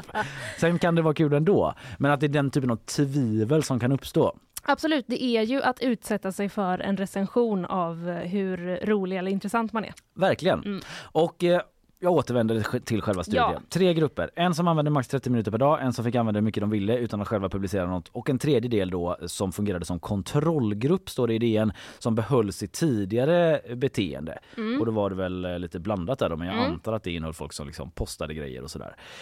Och eh, före studien så använde samtliga deltagare i sociala medier drygt två timmar dagligen. Så det var i alla fall folk som liksom hade sociala medier innan Ja, då och liksom ja. höll på en hel del med det ändå. Mm. Två timmar om dagen. Eh, och resultatet var tydligt står det i DN. De som begränsade sitt användande till 30 minuter om dagen mådde bättre efter tre veckor. De rapporterade lägre nivåer av nedstämdhet och nedstämdhet och stress samt bättre självkänsla efter testperioden. Så att Linnea, Fan vad deppigt. ja, de blev också mer koncentrerade och fokuserade än den passiva gruppen som inte fick publicera något. Mm. Så att jag är alltså mer fokuserad än vad du är. Har du verkligen, har Alltså, du verkligen gjort det här i tre veckor? Eh, Alltså, ja, vi- typ att jag har det. Ska vi... Jag, Med vissa uppehåll. Alltså Ja. typ så. Ibland har jag laddat ner det på dagen för att jag ska lägga upp grejer på nyhetsshowen så har jag haft kvar det det. lite på eftermiddagen och så. Precis lite smyg har du haft. Vi kanske Mm. borde göra ett sånt här test, jag vet inte. Jag vet Fanny har ju sagt innan att det enda som skulle kunna göra att hon liksom jobbar med att minska sin skärmtid är att det liksom är hennes jobb. Att minska skärmtiden? Ja, att det måste ingå, det. måste vara en arbetsuppgift. Liksom. Vi kanske ska utsätta henne för det, så kan jag fortsätta vara olycklig och så kan vi jämföra hur jag och Fanny mår om tre Ja, veckor. kanske liksom. Mm, vi får se. Ah, Jag vet inte. Jag vet också hur det kan låta när jag typ pratar om det här att jag har liksom lite sociala medier detox. Men jag vill ändå säga typ att jag ändå någonstans upplever att jag kanske har lite bättre koncentrationsförmåga. Mm. För att det inte är de här snabbfixarna hela typ att jag orkar läsa även när jag inte jobbar typ så. För att då är jag så här, jag tar upp min telefon för det har jag ju fortfarande i muskelminnet. Ja. Att så här, nu ska telefonen fram bara av någon anledning Mm. ur mitt sånt pappamobilhölster. Nej jag har inget Men sånt. bakfickan ska den ju fram. Jag har alltid Ja. framfickan jag. har aldrig fattat det här med Aha. bakfickan. Varför har alla det? Gud vad spännande. Ja. Vi behöver inte gå in på det Nej. nu men, eh, men då ska mobilen fram och så tar jag fram den och bara vad ska jag göra nu då? Mm. Då kollar jag min chattgrupp där jag stängt av notiserna av någon anledning. Ja. Jag har alltid haft det så. Eh, bara, aha, inget har hänt där. Då bara, mm, okej, typ, då är det in på GP. Läs Ja. någonting om det. Mm. Typ gå in på min bank och betala en väg. Typ att jag typ så tar tag i saker. läser någonting in i mål. Ja, ja, det var ju helt så unheard of beteende tidigare. Mm. Men det är faktiskt en konkret grej som har skett, upplever jag. Ja, det här, det här får mig att... Eh, alltså det låter bra. Det här får mig att tänka på mitt projektarbete i gymnasiet. Mhm. Vi är alltså 12 år tillbaka i tiden nu. Vi var väldigt tidiga ute med detta. Verkligen. Då gjorde, vi, då gjorde vi att vi inte hade... Vi hade inget internet i eh, två veckor. Wow! Mm. Men eh, ja, vilket ambitiöst projektarbete. Hur Jag gick vet. det då? Ja men det gick bra. Vad jag vet så var det ingen som eh, fuskade. Det blev lite svårt för egentligen skulle vi, nej vet du vad, vi hade inte ens mobiltelefon överhuvudtaget. Eh, det blev lite svårt när vi liksom skulle gå ut på Avenyn och festa. Ja. Och sen skulle man hem. Då gjorde vi faktiskt ett undantag. att Då fick man sätta på mobilen och vara så här, så, alltså så att man kom hem liksom Ja. utan att eh, riskera något. Och kunde ringa, kontakta någon om det. Exakt, om det blev något. kris. Ja. Eh, men nej, det var ganska trevligt. Det var svårt om man inte hade skrivit upp någons nummer. Då var det ju, Ja, kunde man inte ringa till varandra. Nej, då blir det jobbigt. Mm. Ja, eh, intressant. Men i alla fall, eh, ja men det är så här, de som eh, hade det här passiva beteendet då, Mm. eh, de verkar liksom inte ha mått lika eh, liksom dåligt så här. Eh, för att det är en sak som det handlar om om man inte lägger upp någonting är att man eh, går och väntar just på likes och views då eh, på saker man har lagt upp och den typen av distraktion försvann ju då. Mm, För de som det. inte la upp någonting då behöver de inte fokusera på det hela dagen. Men de såg ingen skillnad i själva måendet tydligen då. Just det. Så det var mer den här konstellationen. så det är fortfarande där bara gud vilket underbart liv alla har och Ja, så vidare. just det. Eh, Får jag lägga till en sista grej om Ja. mitt eget sådär sociala medieprojekt? Att så här, ja det är de här positiva effekterna. Negativa effekter är kanske lite så att jag inte vet vad folk gör. Mm. Och typ missa kanske vissa samtal, alltså sådär Typ att alla, ja men över jul då när jag tog bort det. Då hade typ Fanny varit på semester och lagt upp massa bilder och typ när jag kom tillbaka så visste alla typ lite vad hon hade gjort. Och jag Ja. hade typ ingen aning. Nej. Och man är lite så, hur har du haft det? Och så måste hon berätta för mig vad alla andra redan vet. Typ, Exakt. Det blir som att det är lite otrevligt nästan av dig. Ja, Alltså jag säger inte att det är det, Nej, men att det kan kännas uppfattas så. Typ liksom. så bara, vadå har du Att- inte föl, följer inte du? Nej men att man känner sig som att man borde ha haft koll. Ja. För att informationen finns där ute. Däremot så var jag typ så lite för jobbet så kommer jag missa massa så här snackisar och sånt Mm. nu. Så här, men det upplever jag inte hittills att jag har gjort. Nej. Vilket kan bero på att alla andra är på sociala medier på redaktionen. Jag tar smällen för din skull. Ja, Det är därför jag lite- gör det här. Lite så. Ja, och jag ska inte ljuga, jag sitter ändå på typ så eh, Twitter och lite sånt på jobbet. Ja. Bara för att kolla lite. Men i alla fall, eh, man kan tänka sig då att nedstämdheten och stress är kopplat till social jämförelse säger de om eh, forskarna om det här. Och de allra flesta verkar alltså må bättre av att dra ner på scrollandet. Men eh, hittills har det inte gjorts någon studie där minskat användande kopplats till sämre mående tidigare då. Då får den här forskaren en motfråga som jag ändå vill avsluta med. Mår man ännu bättre om man släpper sociala, sociala medier helt? Mm. Då svarar eh, han så här. Jag känner bara till en studie där man tittat på det och det var under pandemin. Då mådde testgruppen faktiskt sämre. Jaha. Men, säger han, man kan tänka sig att sociala medier var extra viktigt för vårt välmående då eftersom vi inte kunde hålla kontakt. Just det. Så det kanske var därför. Ja, ja fy. Du får inte träffa någon och du kan inte heller distrahera dig med något. Nej, bara Du sitter och vara så hyperkoncentrerad läsa långa essäer hela dagarna. Ja. Åh.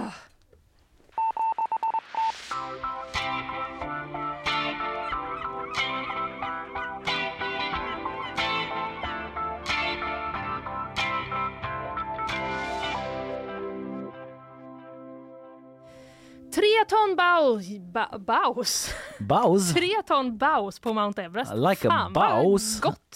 Blev sugen på att åka dit. Ja, sån bau. Ja, såna bau. Ja. Eh, det är inte såna bau, utan det är tre ton bajs på Mount Mm. Everest. Inte lika gott. In- Långt ifrån. Jag vet inte, för jag har aldrig provat, men det var uppenbarligen den gamla Den klassikern.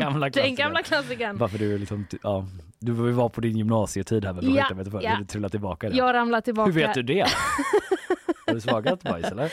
Men det kan man ta reda på också för att i rubriken efter det här så står det citat. Det stinker! Det stinker Mm. på Mount Everest På alltså. Mount Everest så stinker det. Det är BBC som rapporterar och eh, TT har också skrivit om det här. De som bestiger Mount Everest kommer från och med nu att behöva ta med, ta med sitt bajs från bestigningen ner till baslägret. Mm. Som hon, eh, den här kvinnan som blev lite viral för att hon bajsade en påse i Sverige för att förbereda sig på Exakt, kris. exakt. Så de, de kommer vara väldigt förberedda på kris när de Mm. eh, kommer hem då. Exakt, de kom, den, just den delen av Ja. kris kommer de i alla fall eh, vara bekanta med. Men då ska man plocka upp som en, eh, efter en hund då typ eller? I påse? Eller man får göra hur man vill kanske. Alltså men... jag antar att de inte har så mycket liksom, åsikter om hur man gör. Nej, just det. bara man Bara gör det. Eh, tar eh, med sig det. Lös det bara. Våra berg har börjat stinka, säger Mingma Sherpa, ordförande för kommunen Kumbu Pasang Lamu Mm. till BBC. Eh, det är oacceptabelt att eh, det är så här mycket bajs och de har fått klagomål då om att det finns kvar på stenar längs med berget och att det också gör vandrare sjuka. Jaha. Så nu kommer de då, eh, ja men antingen om de delar ut eller om man får ta med sig själv eh, bajspåsar Mm. från baslägret som kommer att kontrolleras när de Mhm. återvänder ner från berget. This is the poop police. Stop what you're doing. Did you only poop this little? It's a suspicious amount. The bag is uh, Mm. quite empty. Ja, exakt. Fram en sån, sån Poirot-figur. Ja, men, Man undrar verkligen så, kommer de liksom, är det någon form av vägning som kommer att ske då eller? Ja, jag vet inte. Men det kanske är mer så att de, man ska bajsa i naturen där och så du där! Ja, Ta, du tar hand om det där. Att de liksom är ute på, på spanuppdrag liksom. fast det står också verkligen att eh, de ska ta med sig bajspåsar som kommer att kontrolleras när de återvänder ner. Ja, för att det är några dagar upp så man måste ju gå och eh, relieve yourself liksom, Mm. under den här perioden Mm. om man inte är väldigt hård i magen. Så Precis. det är ju misstänkt om man inte har med någon påse alls. Då. Om man inte har någonting alls ja. Nej. Eh, Men det ska jag säga då, nu blir jag lite intim här, att Ja. när jag, den högsta höjden jag har varit på Vilken är det? Ja men det, jag, jag vill minnas att det var typ 4000 meters höjd Ja. när vi skulle till Machu Picchu. Machu Picchu. Och då kan jag rapportera Va? att jag blev väldigt hård i magen Ja. av någon sorts altitude sickness. Lufttrycket Ja kanske? men kanske liksom. Ja. Mådde generellt inte toppen. Nej. Eh, och jag vet inte om polisen, Poop Police, hade köpt det eh, argumentet för mig då. Nej. Att jag har en sån altitude sickness och är hård i magen. Och Mm. de bara den där gamla visan har vi hört tusen gånger. Kanske för att det Book är en boys. grej. Ja. Då, det kanske är därför ni har hört den tusen Ja. gånger. Ja, jag vet inte. Det är eh, i alla fall eh, så. Och eh, omkring tre ton bajs ligger då alltså mellan första lägret som ligger vid foten av berget och läger fyra som ligger nära Otroligt. toppen. Alltså det är ju den övertydliga bilden av människans så exploatering av jorden. De här bilderna man har sett att det är kö till toppen typ så. Ja, och man exakt. pratar väl när man går förbi så döda människor Mm. typ som de inte har hunnit ta bort heller. It's quite tragic faktiskt. Ja, precis. Men det, jag tror inte att de, att de gör det. Alltså att det inte är att de inte har hunnit, utan jag tror det är så man liksom... Där är man då. Där är man då. Mm. Ja.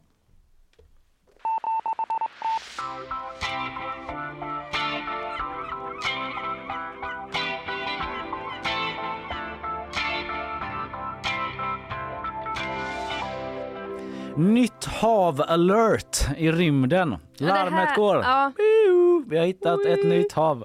Det här känns... Eh, jag vet inte varför, men det känns som ett rymdlarm ska låta så. Eh,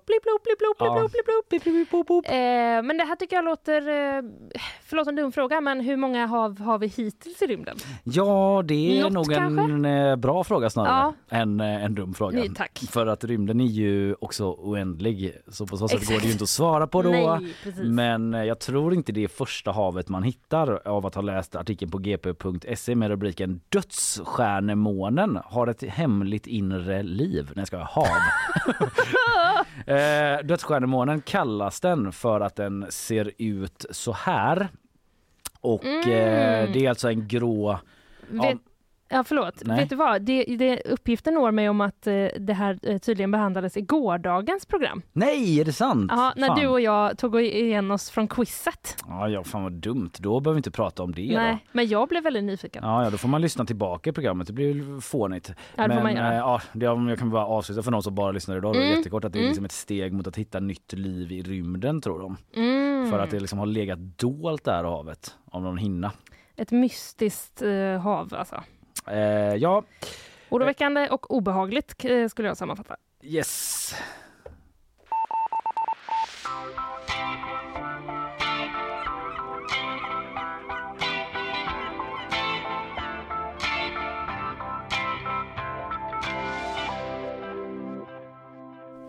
Super Bowl!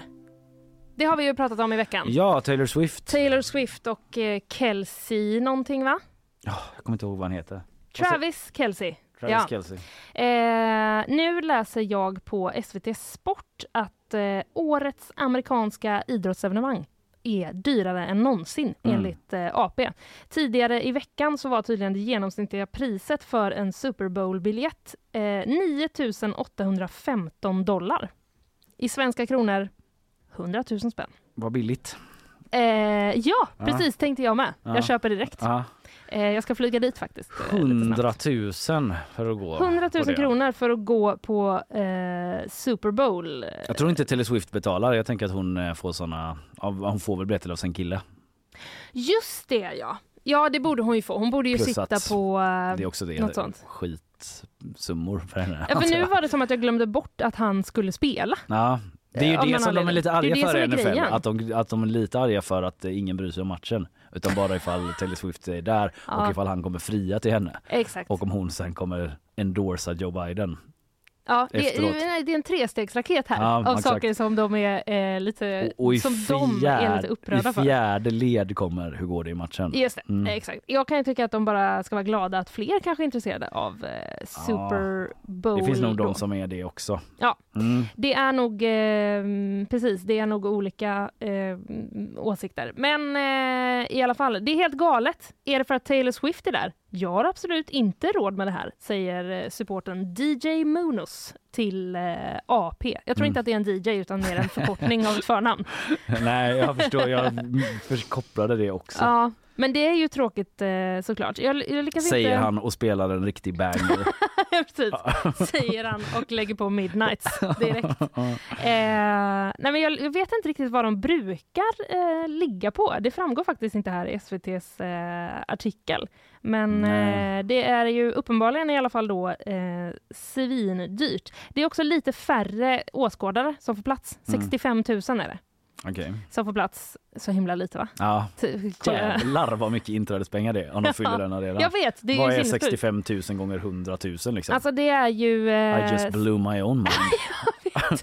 det är också det är sån risk att skämma ut sig nu. Ja, Men jag det- tänker inte försöka. Nej, men det är ju bara att plussa Mm. ihop nollorna. Det får ni göra själva. Ja, 65 Ehm, 000 miljarder euro.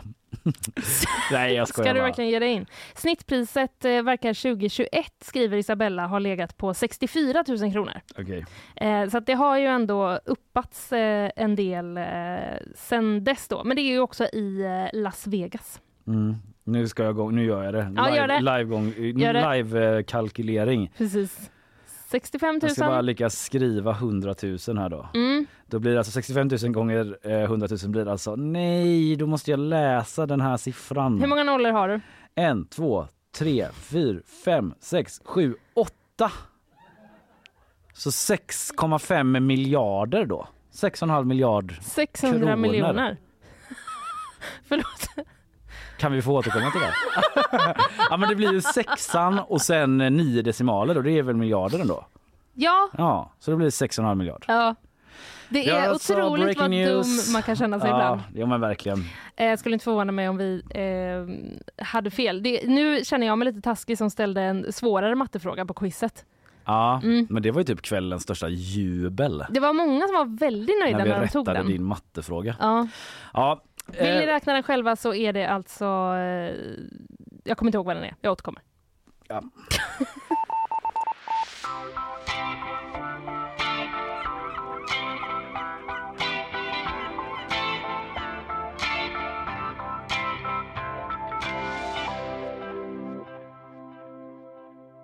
Måste ändå få eh, prata lite om Joe Biden nu när vi var inne Mm. på honom. Missnöjet stiger på, mot Biden. Två felsägningar på en vecka läser jag en rubrik eh, från morgonen på SVT eh, och eh, på Aftonbladet läser jag ytterligare en rubrik. Rapporten om Biden. Eh, nej vänta, fan nu tappar jag bort det. Jag måste, jag måste få läsa den för det var så jävla rolig Ja. rubrik. Rapporten om Biden kolon, äldre man med dåligt minne. Nej! Det är så roligt som att rapporten typ handlar om det. Här är vår rapport Exakt. som handlar om eh, Bidens minne. Typ så här. Who asked for this? Man, no one. Men det är väl ganska intressant ändå. Ja. Nej, rapporten handlar ju om eh, någonting annat egentligen. Den slog ner som en bomb nu under natten skriver Aftonbladet och beskrivs som en politisk mardröm för Joe Biden. Och den handlar ju om att eh, han har ju utretts då eh, eh, av eh, någon sorts politisk kommitté av kongressen är det väl. Nu blir jag lite så, eh, ja, men för felhantering av dokument och känsliga uppgifter som han ska ha tagit från platser där de får vara då myndighetsplatser till att haft på typ sitt eh, sommarställe var det väl, eller åtminstone de platser där de inte ska vara. Mm. Och eh, då har utredaren Robert Hur HUR presenterat den här rapporten och eh, där säger de typ att man kommer liksom inte gå vidare med eh, utredningen. Man säger typ att han, nej, men han har liksom tagit de här eh, dokumenten till fel plats där de inte ska vara. Men att president Joe Biden som en välmenande äldre man med dåligt minne har gjort det här. Oj då, vilket... Så typ så här, därför kommer vi inte gå vidare för att han är så här en gammal gullig gubbe som är lite Ja. virrig och inte kommer ihåg någonting. Bara, Vi- "Åh, de här papperna. Alltså vi friar dig men du får också en diss. Ja, verkligen en fri, ett friande med armbågen kan Ja. man säga. Mm. Och eh, där eh, har ju då eh, Alltså SVT då, de har också publicerat en sån, en sån eh, taskartik, taskmörtartikel Nej. med, där de eh, liksom hade bild på när Joe Biden ramlar i en trappa upp till ett flygplan och han blandade ihop så här eh, Angela Merkel och Helmut Kohl när han talade om Tysklands förbundskansler Mm. och i onsdags tror jag det väl var jag pratade om att han liksom refererade till Frankrikes president som Miss- Mitterrand som var president på 80-talet. Ja, det är inte igår. Ja, och dessutom sa att Mitterrand var eh, president i Tyskland.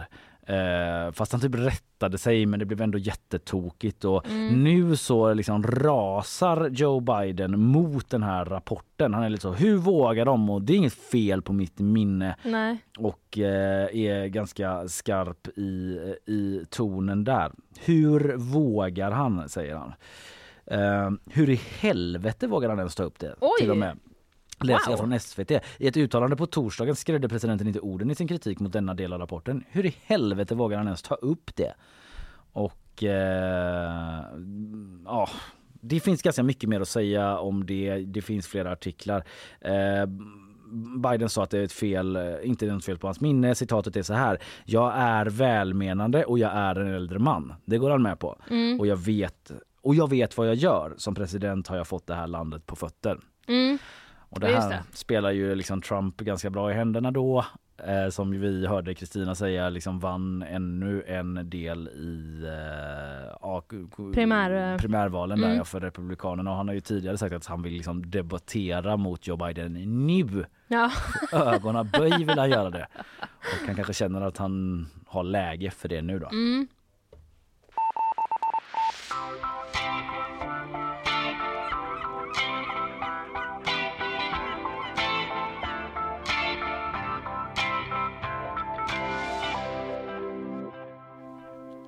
Veckans eh, snackis får man väl ändå säga har ju varit vädret i Florida.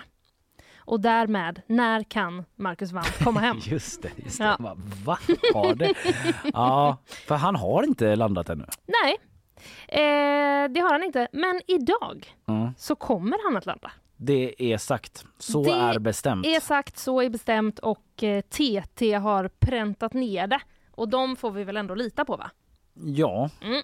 Så här eh, skriver TT i alla fall. Efter en 47 timmar lång färd från rymdstationen ISS är det dags för Marcus Wandt och de andra att landa utanför Daytona Beach i Florida. Klockan 14.30 kommer då... Ja, svensk tid. eh, jag förutsätter att det är svensk Ja, tid. det borde det vara. Mm. Om det är TT som skriver. Precis, och om de också skriver det eh, på vårt sätt att skriva tid. Mm. Mm. Absolut. Eh, klockan 14.30 kommer, ja just det, inte Dragonkapseln utan Nej. Dragonkapseln. Eh, om allt då går enligt plan att segla ner i havet utanför eh, Floridas öst, östkust Mm. med ett plask. med ett plask. Ja, Mm. när den, just det. Eh, nästan två dygn eh, tog det då för dem att eh, åka tillbaka. Plask. Med ett plask och ett plums.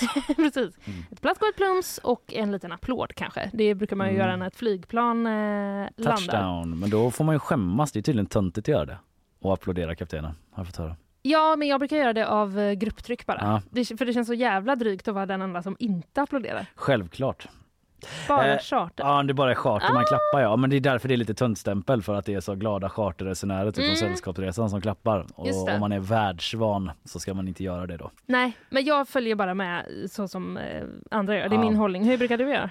Eh, det var så länge sedan jag flög nu. Mm. Skryt. Mm, Så, jag flyger eh, varje vecka. Mm, nej men jag tror att jag hade nog gjort en sån medelväg. Kanske gjort en sån Ja, just det. Slapp tre-klapp. Ja, just det. Bara för att Lite grann. lite grann markera att det är töntigt men ändå eh, vara med den stora gruppen. Ja, just det. Precis. Mm. Eh, 18 dagar i alla fall har de varit uppe på ISS och under den tiden så hann de med att åka 288 varv runt eh, planeten. Bra jobbat you guys! Verkligen. Mm, många varv det.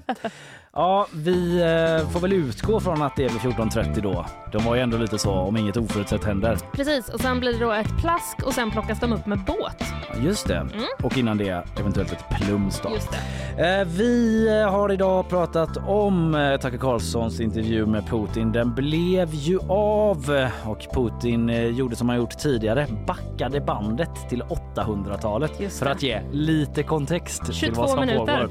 Ja, han lovade också att inte attackera något annat land än Ukraina då. Mm. Det och en hel del annat. Kritiken mot intervjun pratade jag också om och även om då att eh, Lukas Simonsson och Karl Deman har uttalat sig i sin egen podd om det här guldfyndet och liksom rädslan, i alla fall som jag tolkade det, att bli prankade. Just det, att det var det de tänkte att det var. Ja. När någon ringde och sa “Jag har tagit guld här”. Typ, man hoppas ju nästan att det är ett prank, ett sånt lång Ah, prank. ett sånt och sen i jätteprank. rättegången när de har vunnit, eller rättegång är det väl kanske inte, men när det presenteras, Mm. då rycker någon av sig en mask och så är det Danny Saucedo Ja. som bara “You got punked son”. Exakt, då blev vi också punkt här på GP Ja, alla hela Alla. Sverige prankade. Alla, alla. Bra jobbat Danny Saucedo. Ja, verkligen i så fall. Mm. Eh, jag pratade om visitationszoner. Ja. Igår så sa regeringen att eh, det kan bli så att om du har Gucci-keps i, på en, ett, en speciell plats, då kan du bli föremål för visitation Ta från av dig din polisen. Gucci-keps. Ta Exakt. din Gucci-keps. Om du inte vill bli visiterad. Eh, men det är ett lagförslag från re- regeringen, så eh, man kan eh, höra mer om vad det handlar om. Yes, Robert Laul var här också och snackade matchfixning. Anmälningarna f- blir allt färre men problemet verkar ändå finnas kvar enligt Mm. Roberts granskning. Eh, den kan man läsa om på gp.se eller lyssna tillbaka så Ja. får man hela scoopet. Vi tackar väl för idag va? Ja, tack för den här veckan. Mm, önskar eder en trevlig helg. Supertrevlig.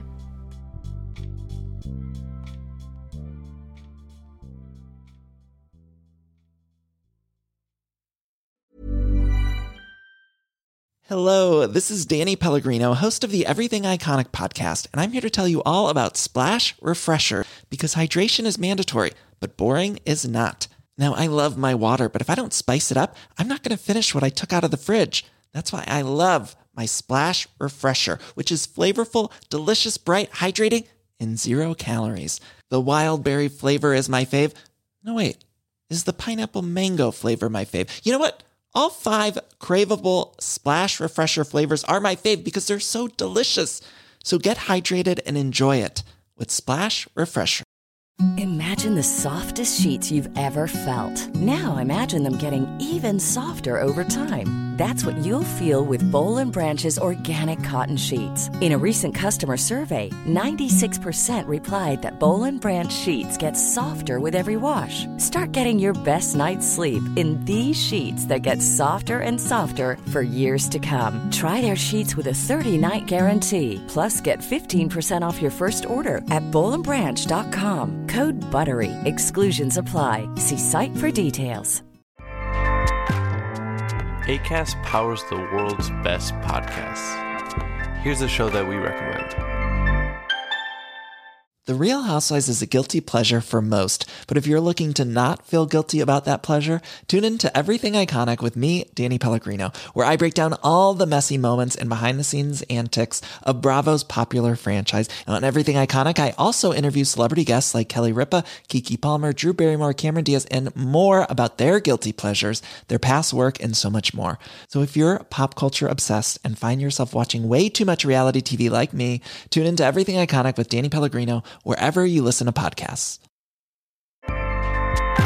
ACAST helps creators launch, grow, and monetize their podcasts everywhere. ACAST.com.